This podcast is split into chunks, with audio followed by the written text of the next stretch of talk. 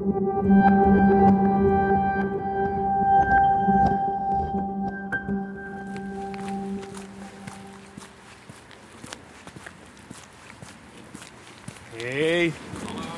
Hallo. Hallo. Waar gaan we heen? Die kant?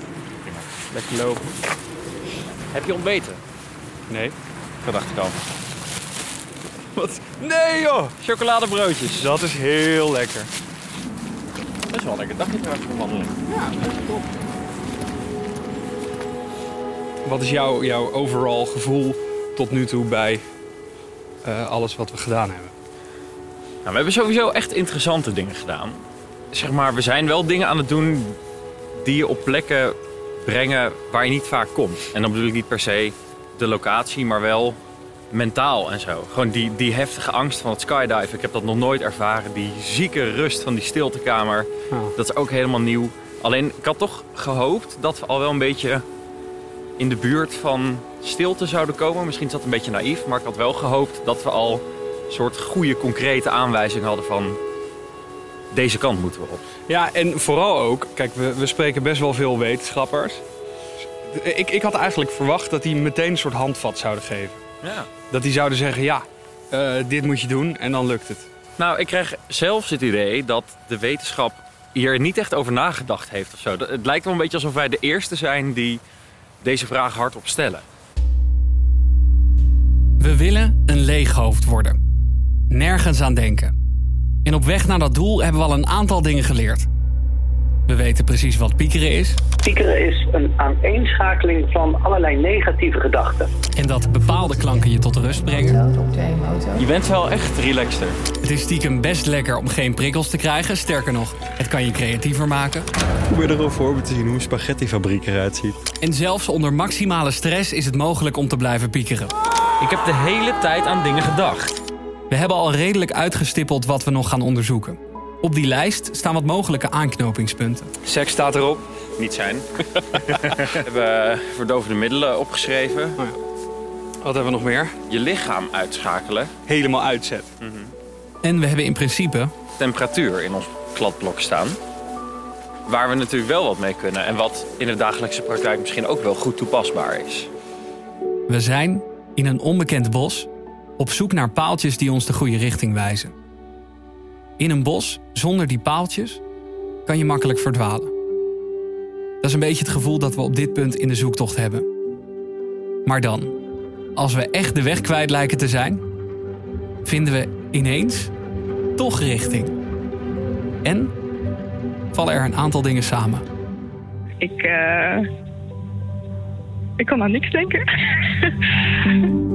Hoi, wij zijn Mart Meijer en Bas Menting. In deze zesdelige serie gaan we samen met Quest Psychologie op zoek naar stilte in ons hoofd. In twaalf experimenten proberen we het antwoord te geven op de vraag die ons al lang bezighoudt. Kan je aan niks denken? Dit is Stil in mij, aflevering 3.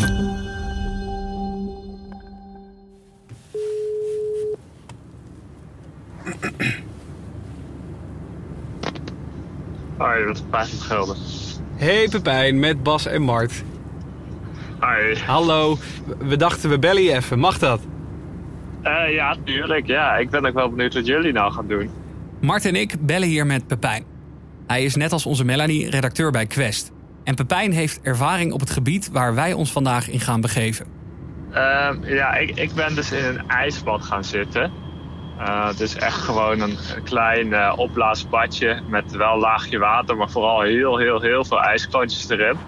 Eh, en daar ben ik in gaan zitten, eigenlijk zo lang mogelijk. Maar alsnog niet heel lang, want ik hield het niet super lang vol. Eh, een minuut of twee was dat. We zitten in de auto om iemand op te zoeken die contact met ons opnam. Dit was een paar weken eerder. Ik eh, heb drie mails in mijn mailbox van Pieter. Hij mailt met het verhaal dat hij twee uitersten heeft... waarvan hij overtuigd is dat het stil wordt in je hoofd. Vandaag is de dag dat we onderweg zijn naar een dorpje hoog boven in Groningen. Die twee uitersten die we gaan opzoeken hebben te maken met temperatuur. Extreme kou en extreme warmte. De lange autorit geeft ons de kans om Pepijn wat dingen te vragen over zijn ervaring met één van die twee. Hij heeft namelijk een training ondergaan die bedacht is door Wim Hof, de Iceman. Dat is niet wat wij gaan doen, maar we gaan het minstens net zo koud krijgen. Is dat iets wat, eh, wat, wat training vergt of kon je dit in één keer? Nou, wij hadden dus een instructeur, een soort van Iceman Light. En die, die gaf ons oefeningen. En ook, ik moet zeggen, het werkte wel. Want vooraf dacht ik echt van, dit werd helemaal niks. Ik haat namelijk kou. Ik haat eigenlijk ook al zwemmen, ook al is het zomer. uh, toen ik dat badje instapte, toen was ik ook echt best wel overtuigd dat ik het misschien zelfs wel een beetje aangenaam ging vinden. Maar ik moet eerlijk zeggen dat dat tegenviel. Wat deed het met je, met je mentale gesteldheid? Want het vergt best wel wat van je, denk ik. Mm -hmm. Nou, ik vond dat wel interessant eraan. Dat je, want dat is ook een beetje wat die Wim Hof zegt. Dat als je maar gelooft dat je iets kan, dat je wel meer kan dan je zelf verwacht. Dus als we echt geloven dat we aan niks kunnen denken, misschien lukt het dan wel op een ijskoude plek. Als mannen onder elkaar wilden we dan nog één klein laatste dingetje weten over de gevolgen van die kou. ja, ik, ik moet even terugdenken hieraan. Want het was wel in, in gezelschap. Dus ik kon niet even uitgebreid gaan staan kijken hoe het allemaal uh, verdwenen was. Maar volgens mij was er niet veel meer over. Nee. We willen dus weten wat extreme temperaturen doen met de mens. Als je wil weten wat extreme zijn, moet je eerst weten wat normaal is. Daarom, voordat we starten met onze experimenten, even een paar dingen op een rijtje. Is er een optimale temperatuur voor de mens? Uh, ja, die is er wel. Tenminste, die lijkt er wel te zijn. Melanie van Quest heeft daar onderzoek over gevonden. En het bleek dat de mensen die in het gebied waar het zo'n 22 graden was, die zich echt het fijnste voelden. 22 graden vinden we dus het prettigst. Dat gaat over gevoel en dus je mentale staat. Wat voor je lichaam de beste temperatuur is, is weer een ander verhaal. De optimale temperatuur is moeilijk vast te stellen. Maar wat we wel zien in Nederland, dat er het minste sterfte is bij een omgevingstemperatuur van 17,5 graden. Als het warmer wordt, gaan meer mensen dood en als het koud wordt, gaan meer mensen dood. Dit is professor Dr. Hein Dane. Hoogleraar op de Vrije Universiteit in Amsterdam in de inspanningsfysiologie, maar ik heb als specialisatie de thermofysiologie. En dat gaat over het effect van hitte en kou op menselijk functioneren. We vroegen hem meteen maar even wat hij wetenschappelijk gezien kan zeggen over Wim Hof. De, de Wim Hof-methode is niet alleen kou, maar omvat veel meer. Omvat concentratieoefeningen, omvat ook ademhalingsoefeningen. En dat maakt het heel lastig om de component kou wetenschappelijk te scheiden. En dus ervaren we vandaag puur wat kou met je doet. Min 120 graden. Daarnaast gaan we ook naar bijna 100 graden boven nul. Ik moet zeggen, ik heb er wel echt zin in. Het voelt als een, uh, een dagje uit. Um, en het is ook wel even lekker. Ik bedoel, na uit een vliegtuig te zijn gesprongen, is dit toch even een aangename verrassing, denk ik. Na 2,5 uur rijden zijn we bijna op onze bestemming. Bad Nieuweschans. Uh, we gaan naar de Termen al daar, waar uh, wij temperaturen gaan ervaren die wij nog nooit in die mate ervaren hebben. Ik heb het heel warm gehad. een sauna. sauna Wat zei je? Het zal voor mij zo ongetwijfeld een heel fijn idee zijn dat twee gasten met opnameapparatuur een saunacomplex binnenkomen lopen. er zijn geen camera's, geen zorgen. Is dit de ingang? Oh, je. We ontmoeten de man die ons de mail stuurde. Ik ben Pieter Spruit en ik ben 56 jaar en wonen en werken in Bad Nieuweschans. Hoe komt een mens hier terecht? Hoe komt een mens hier terecht? Nou, ik ben hier terechtgekomen door dit bedrijf... Uh, wat uh, beschikt over uh, thermale baden. En dat is iets redelijk bijzonders in Nederland. Dat heb je maar op een paar plekken. En dat is een van de redenen waarom mensen hier naartoe komen. Eén van de redenen. Want mensen komen voor veel meer. Er zijn bubbelbaden, lichtweides, massages en sauna's. En voor mij is dat bekend terrein. Ik ga best af en toe naar de sauna om te ontspannen. Mart is daar wat minder van. En geloof het of niet, voor hem wordt het zometeen de eerste keer in een sauna. Ik wist niet dat je over je hele lichaam kon zweten. Maar dat kan. Maar Pieter heeft dus ook een cryosauna. Dat is een cabine waarin de temperatuur gigantisch naar beneden wordt geschroefd. Kouder dan waar het dan ook op aarde wordt. En daar zijn goede redenen voor. Er zijn namelijk allerlei positieve effecten van kou op je lichaam. Nou, die kou gebruik je om uh, het, uh, het lichaam zeg maar, een, een soort schrekreactie te geven. En zorgt dat, dat door die doorbloeding een soort, soort verschoning van de cellen ontstaat. En dat zorgt ervoor dat, nou, dat je een soort fris effect voelt. En dat geldt voor iedereen weer een beetje anders. Dus we hebben ook altijd Net als bij de klankschaaltherapie horen we iets over het verschonen van je cellen. Melanie, onze redacteur bij Quest, vindt dat maar moeilijk te bewijzen. Maar andere positieve effecten van koudtherapie zijn wel onderzocht en bewezen. Maar wat, wat, wat denk jij als je dit hoort? Ehm, Dit gaat dus over de kou. Ja, nou ja, en ik geloof inderdaad wel dat, hij, dat, hij, ja, dat het toch wel iets met je spieren doet. En, en inderdaad ontstekingsremmend kan werken in je spieren. Hij noemde al even dat, dat schrik-effect. En ja, we hebben het in een eerdere aflevering eh, al gehad over adrenaline. En dat is een hormoon en, een- en een neurotransmitter ook... dat echt een enorme boost aan je lichaam geeft. En als die weer wegtrekt, dan maak je dopamine aan... en dan voel je je eigenlijk heel prettig en heel fijn. En nou ja, dan heb je een soort van een beloningsreactie... op dat je die ellende hebt doorstaan. En dat is denk ik een beetje het euforische gevoel... dat je ook hebt als je dan hè, uit die kou komt. Dan voel je je daarna heel lekker en ontspannen. En ik denk dat dat ja, een soort van het gevoel geeft dat je cellen helemaal vernieuwd zijn en dat je een soort van herboren voelt. Maar ja, of, of, nee, ik heb niet eh, een onderzoek gevonden waaruit blijkt dat je cellen totaal vernieuwd worden door eh, grote kou. Dit zijn gewoon van die eh, hokjes zoals bij schoolzwemmen vroeger. Goeie oude tijd. Even kijken. Oh, ik had altijd zo moeite met die twee deuren dicht doen. Ja. Want dan heb je aan de ene kant een deur om eruit te gaan, aan de andere kant erin. En dan gaat die open zodra je dat klepje... Het is gelukt in één keer. Lekker. We gaan op expeditie naar min 120 graden. Dus een goede uitrusting is ontzettend belangrijk. Daarvan hoefden we maar één ding zelf mee te nemen. Slippers. Nee, die heb ik niet. Eh 45 volgens mij allebei. Ja. Het kleedhokje vormt het portaal tussen de geklede wereld en grenzeloze ontspanning. In de wereld na het kleedhokje heerst alleen rust en relaxedheid. En op mijn nieuwe slippers betreed ik die wereld. Pieter slentert met ons mee over het terrein. Dat is weer helemaal terug in Finland. Ja, het is ook een Finse traditie, toch? Omdat... Ja, om, eh, nou ja, de sauna in ieder geval eh, lekker eh, in het ijswater te gaan. Oh, wat ziet dat zwembad er heerlijk uit. Het is zo ontzettend lang geleden. hè? Wat, is dit een dompelbad? Nee, toch? We komen uit in de deuropening van een klein kamertje. Oh, kijk. Dit is hem. Kijk waar we voor staan. Een soort... Nou, SpaceX-module. We staan voor een soort Terminator-buis die allemaal boze geluiden maakt. Waar aan de bovenkant allemaal stikstof uit komt rollen. Die op dit moment op min 65 graden is.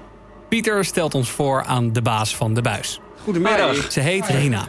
Ik ben Rina. Ik eh, ga jullie erin zetten. Rina bepaalt hoe koud ik het ga krijgen. En zij ziet erop toe dat alles goed verloopt. Ehm, in deze cilinder eh, ga je instaan. Staat in het liftje. Breng, het liftje brengt je omhoog, dat je met je hier met je hoofd bovenuit komt. En dan word je in die drie minuten tijd word je langzaam naar die 120 graden onder nul gebracht. Eh, Je zal direct voelen wat het doet mentaal met je. Je energieniveau krijgt een boost. Mensen met een, eh, een, een burn-out eh, zou ik zeker eh, aanraden om hierin te gaan. Mensen met een depressie. Ik had er vanmorgen een in, die kwam eruit van ik ben vrolijk. Ik ben gewoon ha- happy, kom ik eruit. Dus Heb je het zelf wel eens gedaan? jazeker. En wa- waar, waar denk je aan op het moment dat je hierin staat? Eh, overleven. Is het zo erg? Klinkt Nee. veelbelovend. nee hoor, nee. Ik moet zeggen, ik voel me er best goed bij. Het idee van 120 graden onder nul is niet super comfortabel, maar echte zenuwen blijven uit. Al doet Rina haar best om het toch even spannend te maken. Het is wel zo, ik heb daar wel een, een, eh, gezondheidsverklaring die getekend moet worden. Mocht er eh, wat daar... Wat... Gelukkig zijn er geen bezwaren, dus ik kan hem rustig tekenen. En me gaan voorbereiden op wat er komen gaat. hey, één groot voordeel is dat je wel echt ontzettend lekkere sloffen aankrijgt. Schapel. Die zien er fantastisch uit. Nou, klaar voor? Ik ben er klaar voor. Mag je erin komen staan met het gezicht naar mij toe? En in de ruimte. Dus niet met je rug tegen de wanden aan. Ja? Ja. Gewoon in de ruimte. Ik, ik kom heel langzaam omhoog op het liftje. Oh, jongens. Zijn mensen hier zenuwachtig voor voor dit? Ja, wel hè? De eerste keer. Ja, Het is- sommige mensen wel. Ja. Het is best... Bij het instappen gaat er best wat kou verloren. Rina gaat de buis dus eerst weer richting min 100 laten afkoelen en dan door naar die min 120 graden. Daar blijf ik dan vervolgens drie minuten in staan. Nou, ga ik hem aanzetten voor je.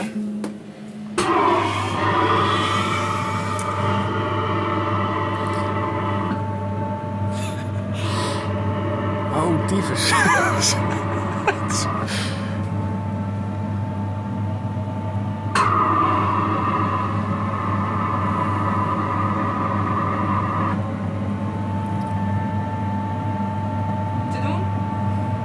Ja, te doen. Zeker. Als je vingers koud worden, moet wel je ogen.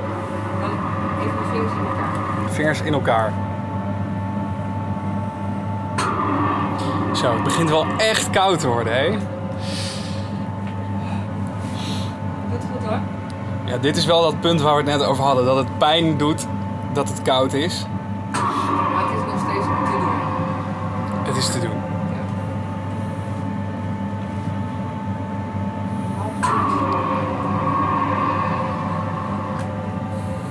Mensen betalen je geld voor.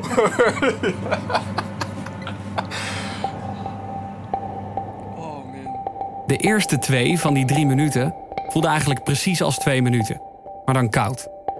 De laatste minuut voelde echt alsof het er tien waren. Overal op mijn huid leken alarmbellen af te gaan.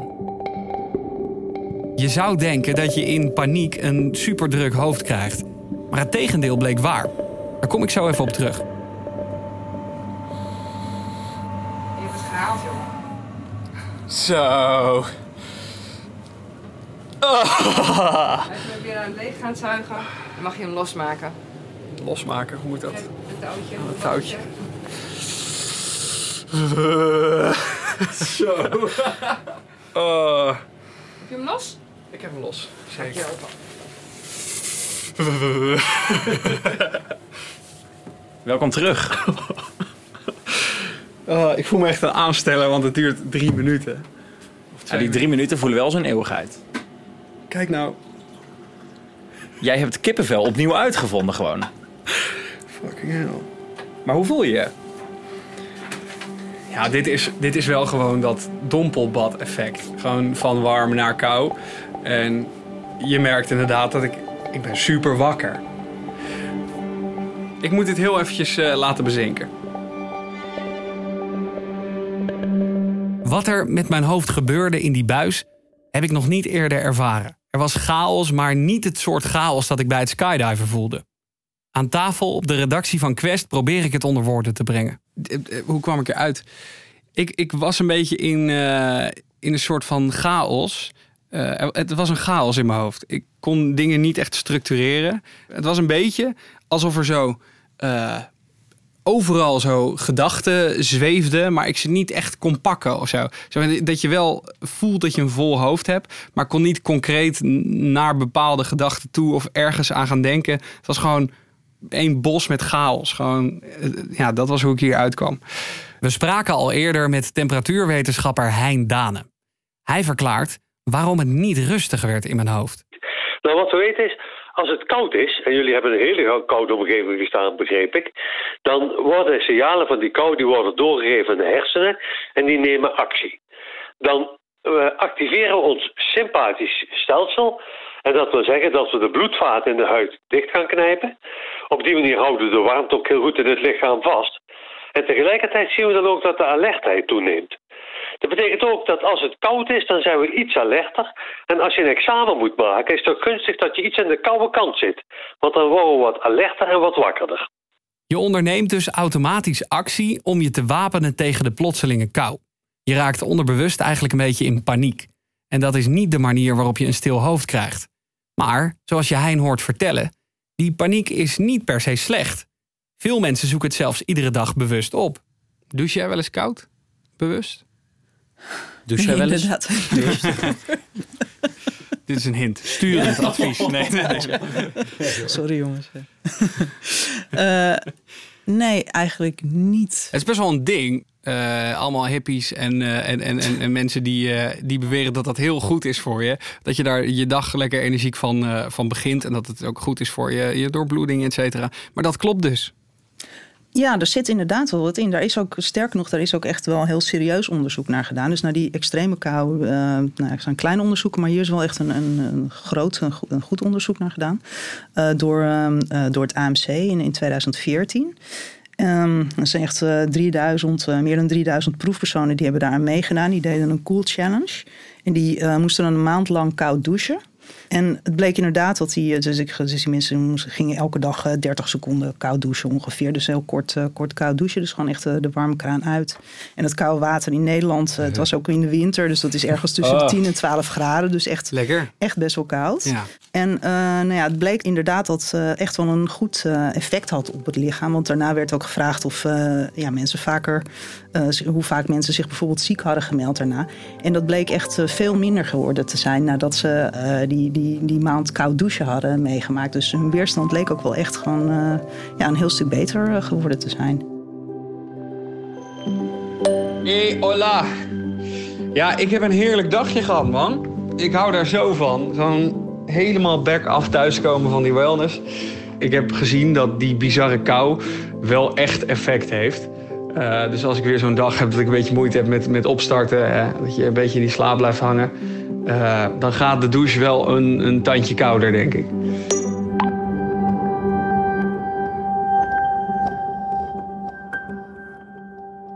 Eens in de zoveel tijd komen ze voorbij. Mensen die een soort jaloezie in je wakker maken. Omdat ze heel goed zijn in iets dat jij graag zou willen kunnen. Tijdens dit onderzoek gebeurt ons dat steeds vaker.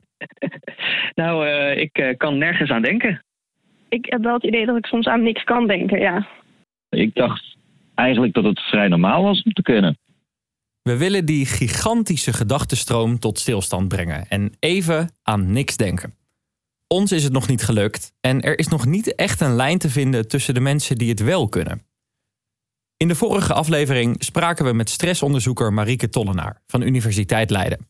Zij plantte in dit kader een zaadje in ons hoofd. En dat zou interessant zijn, denk ik dan, om eens te kijken. Van kun je die mensen klassificeren en wat gaat er nou in rust eigenlijk om in die hersenen? Nou ja, dat zouden dan bij mij onderzoeksvragen zijn die omhoog komen. En wij zijn simpele podcastmakers, dus een gedegen onderzoek zit er niet direct in. Maar het idee van Marieke is wel het uitzoeken waard. Ja, ik denk dat we, ehm, dat we eens moeten onderzoeken wie het zijn die het kunnen. En daar kunnen we een, eh, een enquête voor houden. We kunnen de straat op. Eh, maar het lijkt me goed om, om gewoon eens te beginnen met onze eigen Instagram-pagina inzetten. Gewoon eens eventjes een, eh, een polletje plaatsen. En eh, mensen die daarop ja klikken, dan vragen we gewoon: kun jij aan niks denken? Mensen die daarop ja klikken, die gaan we even bellen. Ja, vind ik goed. En hoewel er in verhouding maar weinig mensen zijn die het kunnen, ongeveer 25% van de respondenten, hebben we al snel een paar honderd reacties op ons micro-onderzoek. Gijs. Hey Gijs, met Bas en Mart. Hey, hallo. Hey, ehm, jij had bij ons polletje aangegeven dat je aan niks kunt denken. Jazeker. Toen ik dat zag op je story, toen eh, dacht ik van, volgens mij kan ik dat. Ik had er ook nooit bij stilgestaan dat dat bijzonder of anders is dan wat andere mensen misschien ervaren. Nou, ik heb eigenlijk nu best wel vaak dat ik eh, aan niks denk. Nou, eigenlijk doe ik dat alleen als ik ga mediteren, dus als ik echt maar ga zitten. We willen een paar dingen van ze weten. Waaronder op wat voor momenten ze hun gedachten droogleggen. Mm, nou ja, als ik in bed lig, dan in ieder geval niet. Dan lig ik altijd juist heel erg snel te piekeren. In de late uurtjes in de kroeg, dan eh, denk ik aan vrijwel niks. Eh, maar eerder als ik eh, inderdaad een serie zit te kijken of iets. Sport, als je echt heel intensief sport, dat is wel echt eh, heel rustgevend of zo. Kijk, voor mij werkt wandelen best wel goed. Ja, als ik gewoon echt maar één ding aan het doen ben. Dus als ik of muziek aan het luisteren ben of eh, bijvoorbeeld sporten, dan ja, ben je wel bezig met wat je aan het doen bent, maar je denkt niet echt ergens anders aan. We willen die lijn trekken, de punten met elkaar verbinden. En dus stellen we nog een paar vragen. Onder andere hoe lang het gemiddeld duurt om in slaap te vallen. Vijf minuten tot een kwartier. Ja, ik kan ook wel een uur wakker liggen. Nee, wel een paar minuten, ja. Of ze zichzelf als creatief zouden bestempelen. En ben jij creatief? Nee, niet echt. Eigenlijk niet. Jawel, dat, eh, dat denk ik wel. In wat voor branche ze werken. Ik werk bij een dagbesteding samen met International business. Eh, ik ben fotograaf. Ik ben freelancer, dus ik werk voor mezelf. Ik zit zelf nu in de HAVO 4. Of ze actief op zoek gaan naar stilte. Nee, zeker. Of ze regelmatig onzeker zijn over hun uiterlijk. Ehm, ehm, ja, tuurlijk, maar dat is, het is er niet zo dat ik dat al... En of ze snel gestrest zijn. Nee, juist niet eigenlijk. Ik ben totaal niet gestrest. Ik ben heel, eh, heel relaxed eigenlijk altijd ook. Nou, ik raak ook niet zo heel snel gestrest. Mm, 50-50. Ja ik, ja, ik ben over het algemeen ben ik eigenlijk altijd wel een relatief rustig persoon. En hoewel we geen directe conclusies kunnen verbinden aan ons onderzoekje, ontdekken we de meeste samenhang bij die laatste vraag. In vergelijking met mensen zoals Bas en ik, mensen die altijd aan het denken zijn, omschrijft de 25% zichzelf vaker als stressloos. En dat zou best een logisch verband zijn. Bij minder stress pieker je over het algemeen minder en dat zou vanzelfsprekend meer ruimte moeten bieden om aan niks te denken. We moeten dus van koers veranderen. Tot nu toe hebben we veel angst aangewakkerd. Bewust door iets engs te doen, of onbewust door ons lichaam in paniek te brengen onder extreme omstandigheden. Ondanks dat angst je helpt om te focussen, weten we nu dat het je hoofd niet rustig maakt. En dus gaat het roer 180 graden om. Want als mensen die aan niks kunnen denken zichzelf vooral omschrijven als stressloos en ontspannen, moeten wij het in die richting zoeken. Ontspanning. En daarvoor zijn we op een wellnesscomplex precies op de goede plek. Je bent uit je normale omgeving. Uh, je legt je telefoon eens even weg. En uh, uh, je bent even, even weg van waar je normaal in zit. Um, en daarnaast geven de behandelingen... Warmte geeft natuurlijk ook altijd een, een bepaalde ontspanning. Oh, wacht even. Warmte geeft natuurlijk ook altijd een, een bepaalde ontspanning. Warmte geeft ontspanning. Als dat klopt, biedt het veel hoop voor het volgende experiment. En dus checken we het even bij Melanie. Klopt dat? Kun je dat zeggen? Uh, ja, zeker wel. En er is inderdaad ook onderzoek naar gedaan. Uh, de University of Arizona, de Amerikaanse universiteit, heeft daar in 2014 onderzoek naar gedaan. En uh, het blijkt inderdaad dat aangename warmte kan zelfs een antidepressieve werking hebben. Dus um, als je je echt heel naar voelt, dan kan ja, door een fijne, warme omgeving kan je je echt heel prettig gaan voelen. En dat scheidt ook een bepaald hormoon af, oxytocine. Dat wordt ook wel het knuffelhormoon genoemd. En daar voel je je heel fijn en ontspannen van. Dus eigenlijk is dat een heel ja, directe ja, lichamelijke reactie... die dus ook psychologisch heel, heel goed werkt. En daarom is de vraag aan temperatuurwetenschapper Hein Dane... als warmte ontspannend is, krijg ik dan een leeg hoofd in de sauna? Ja, ik moet eerst zeggen, een leeg hoofd, dat is niet bepaald een fysiologische term. Hè? Die gebruiken wij wat minder. Maar laat ik zeggen, de mate van ontspannenheid, die is groter wanneer je in de lichte warmte zit dan in de milde kou. Eerlijk is eerlijk, ik ben niet zo'n fan van de sauna. Maar terwijl we er naartoe wandelen, krijg ik wel steeds meer hoop op een goed resultaat. Stilte sauna staat op het bordje. Dan moet het wel goed komen.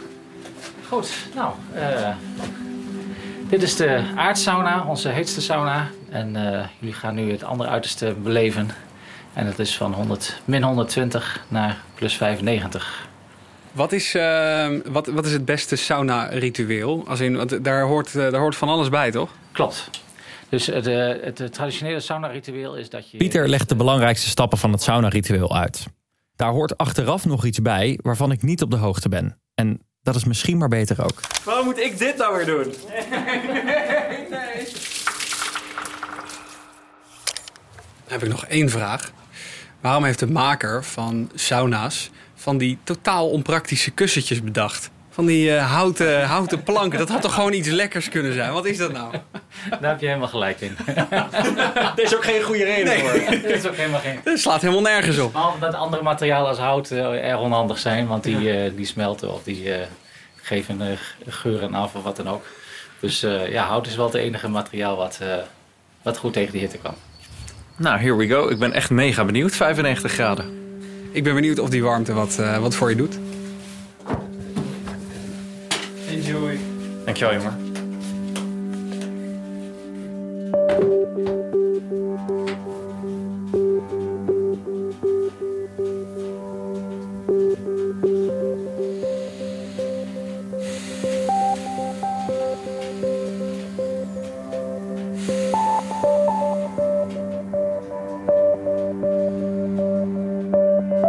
Laten we, terwijl ik flink zit te zweten, even richting Melanie gaan.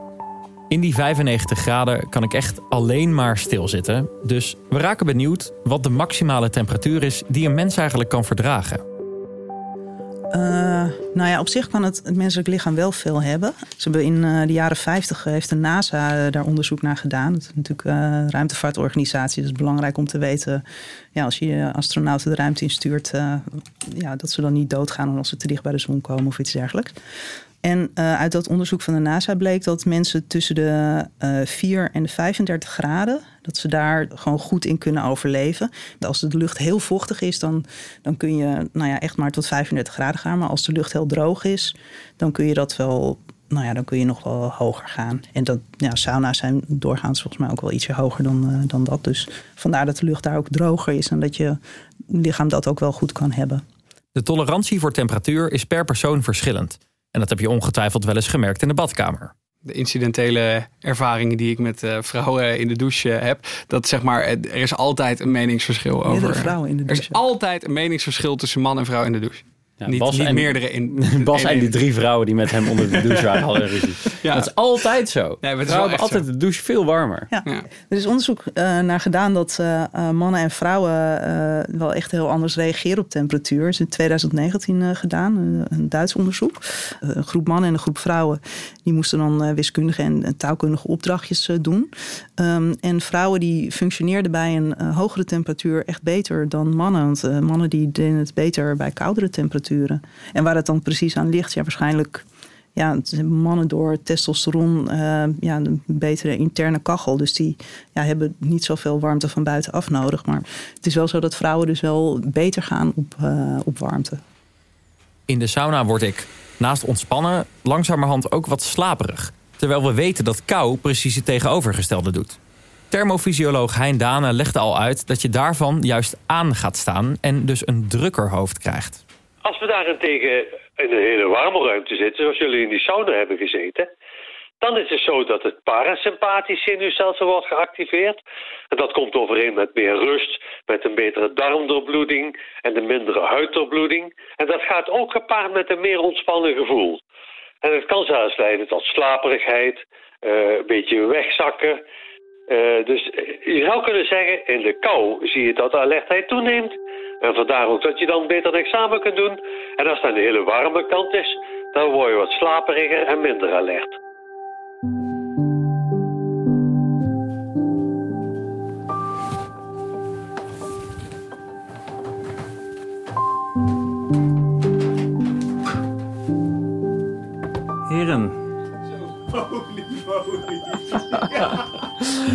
Ik heb het heel warm gehad. Ik wist niet dat je over je hele lichaam kon zweten. Maar dat kan. Maar wat, eh, wat was de ervaring binnen? Eh, warm. Nou, ik moet zeggen, kijk, eh, je gaat een ruimte in die niet verandert van temperatuur. Dus ik dacht na twee minuten, ja, als dit het is. Dit is helemaal niet zo warm. Toen ben ik nog op de hoogste tree gaan zitten. Toen vond ik het nog steeds niet warm. En na tien minuten brak het zweet me echt uit. Wat is er? Nou, echt niet. Je gaat afkoelen. Ja, echt niet. Echt wel. Nou ja, dag. Nee, dit, ga ik, dit wil ik helemaal niet. Ik dacht dat we een ontspannen rondje gingen lopen. Je gaat eerst je armen en je benen rustig eh, afkoelen. En dan naar je hart toe je hele lichaam rustig afkoelen. Ik heb ook geen keus. Ik moet dit doen. Waarom altijd dit? Waarom flik je mij dit altijd? Oh, dit is zo koud. Volgens mij is hier wel een makkelijkere manier, toch? Nee. Echt, mijn hele lijf tintelt. Ik ben helemaal draaierig ervan. Dat is precies wat de bedoeling is. Nee, ik heb gehoord dat dat heel slecht is. Dat je Nee. dan absoluut niet door moet gaan. Volgens mij is er maar één iemand de expert hier. Zullen we in één keer dan maar? Hatsé! Holy fuck. Dit is echt heel erg koud. Oh, de opname stond niet aan. Ja, dag!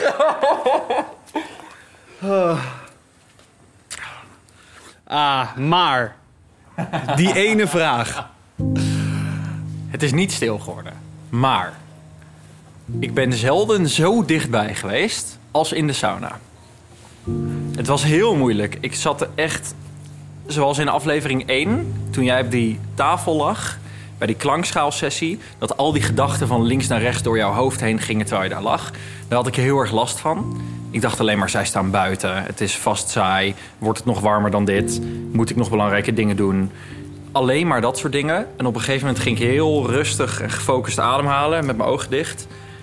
En toen ging het helemaal draaien.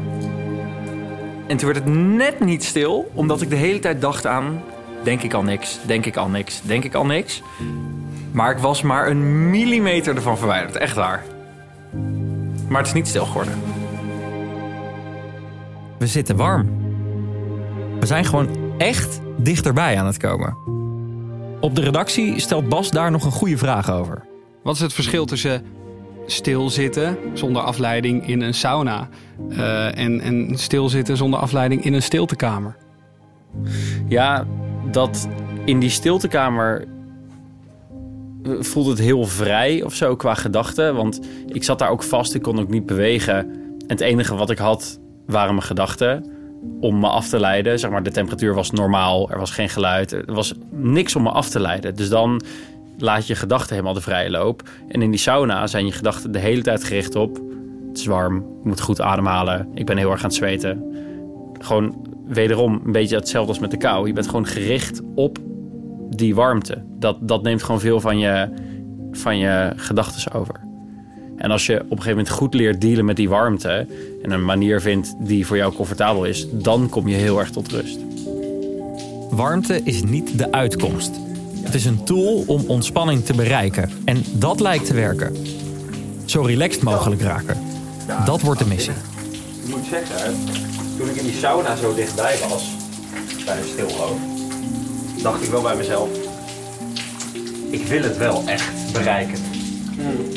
Want ik ben zo benieuwd hoe dat dan voelt. Ik kwam zo dichtbij. Volgens mij zijn we nog niet klaar. Nou, mijn douche wel. Die is weer mee opgehouden. Ik ben goed geweest.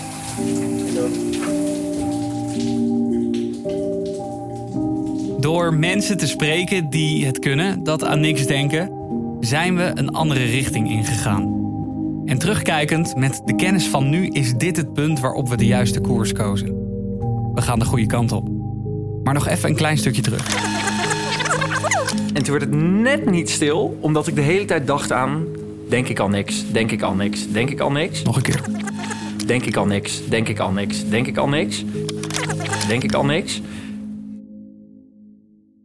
Het is een vraag die we steeds vaker krijgen.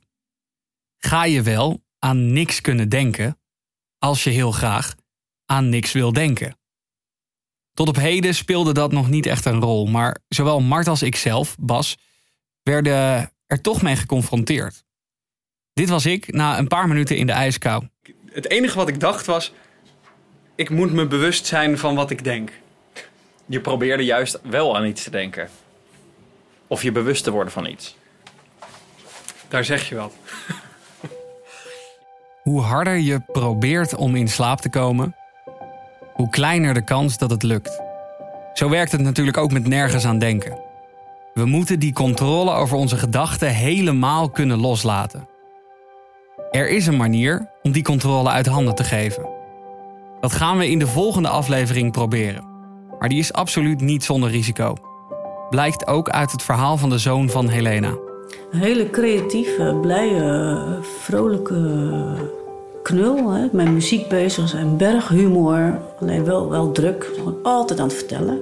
Hij is het perfecte voorbeeld van een ontzettend druk hoofd. Een hoofd vol met. Dingen zoals, het is eigenlijk heel groot, maar gewoon zijn hele kijk op het leven. Dus eigenlijk de hele maatschappij. Zo. Uiteindelijk vindt hij een manier om zijn gedachten te kalmeren. Maar dat loopt vrij snel uit de hand. Dus uiteindelijk heeft hij het voor mij heeft hij zich laten opnemen. En dat heeft drie dagen geduurd.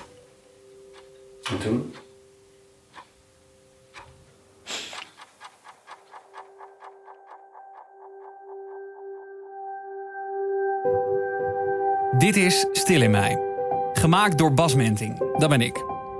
En door mij, Mart Meijer. Exclusief beeldmateriaal van deze podcast vind je op Instagram, @stillinmij.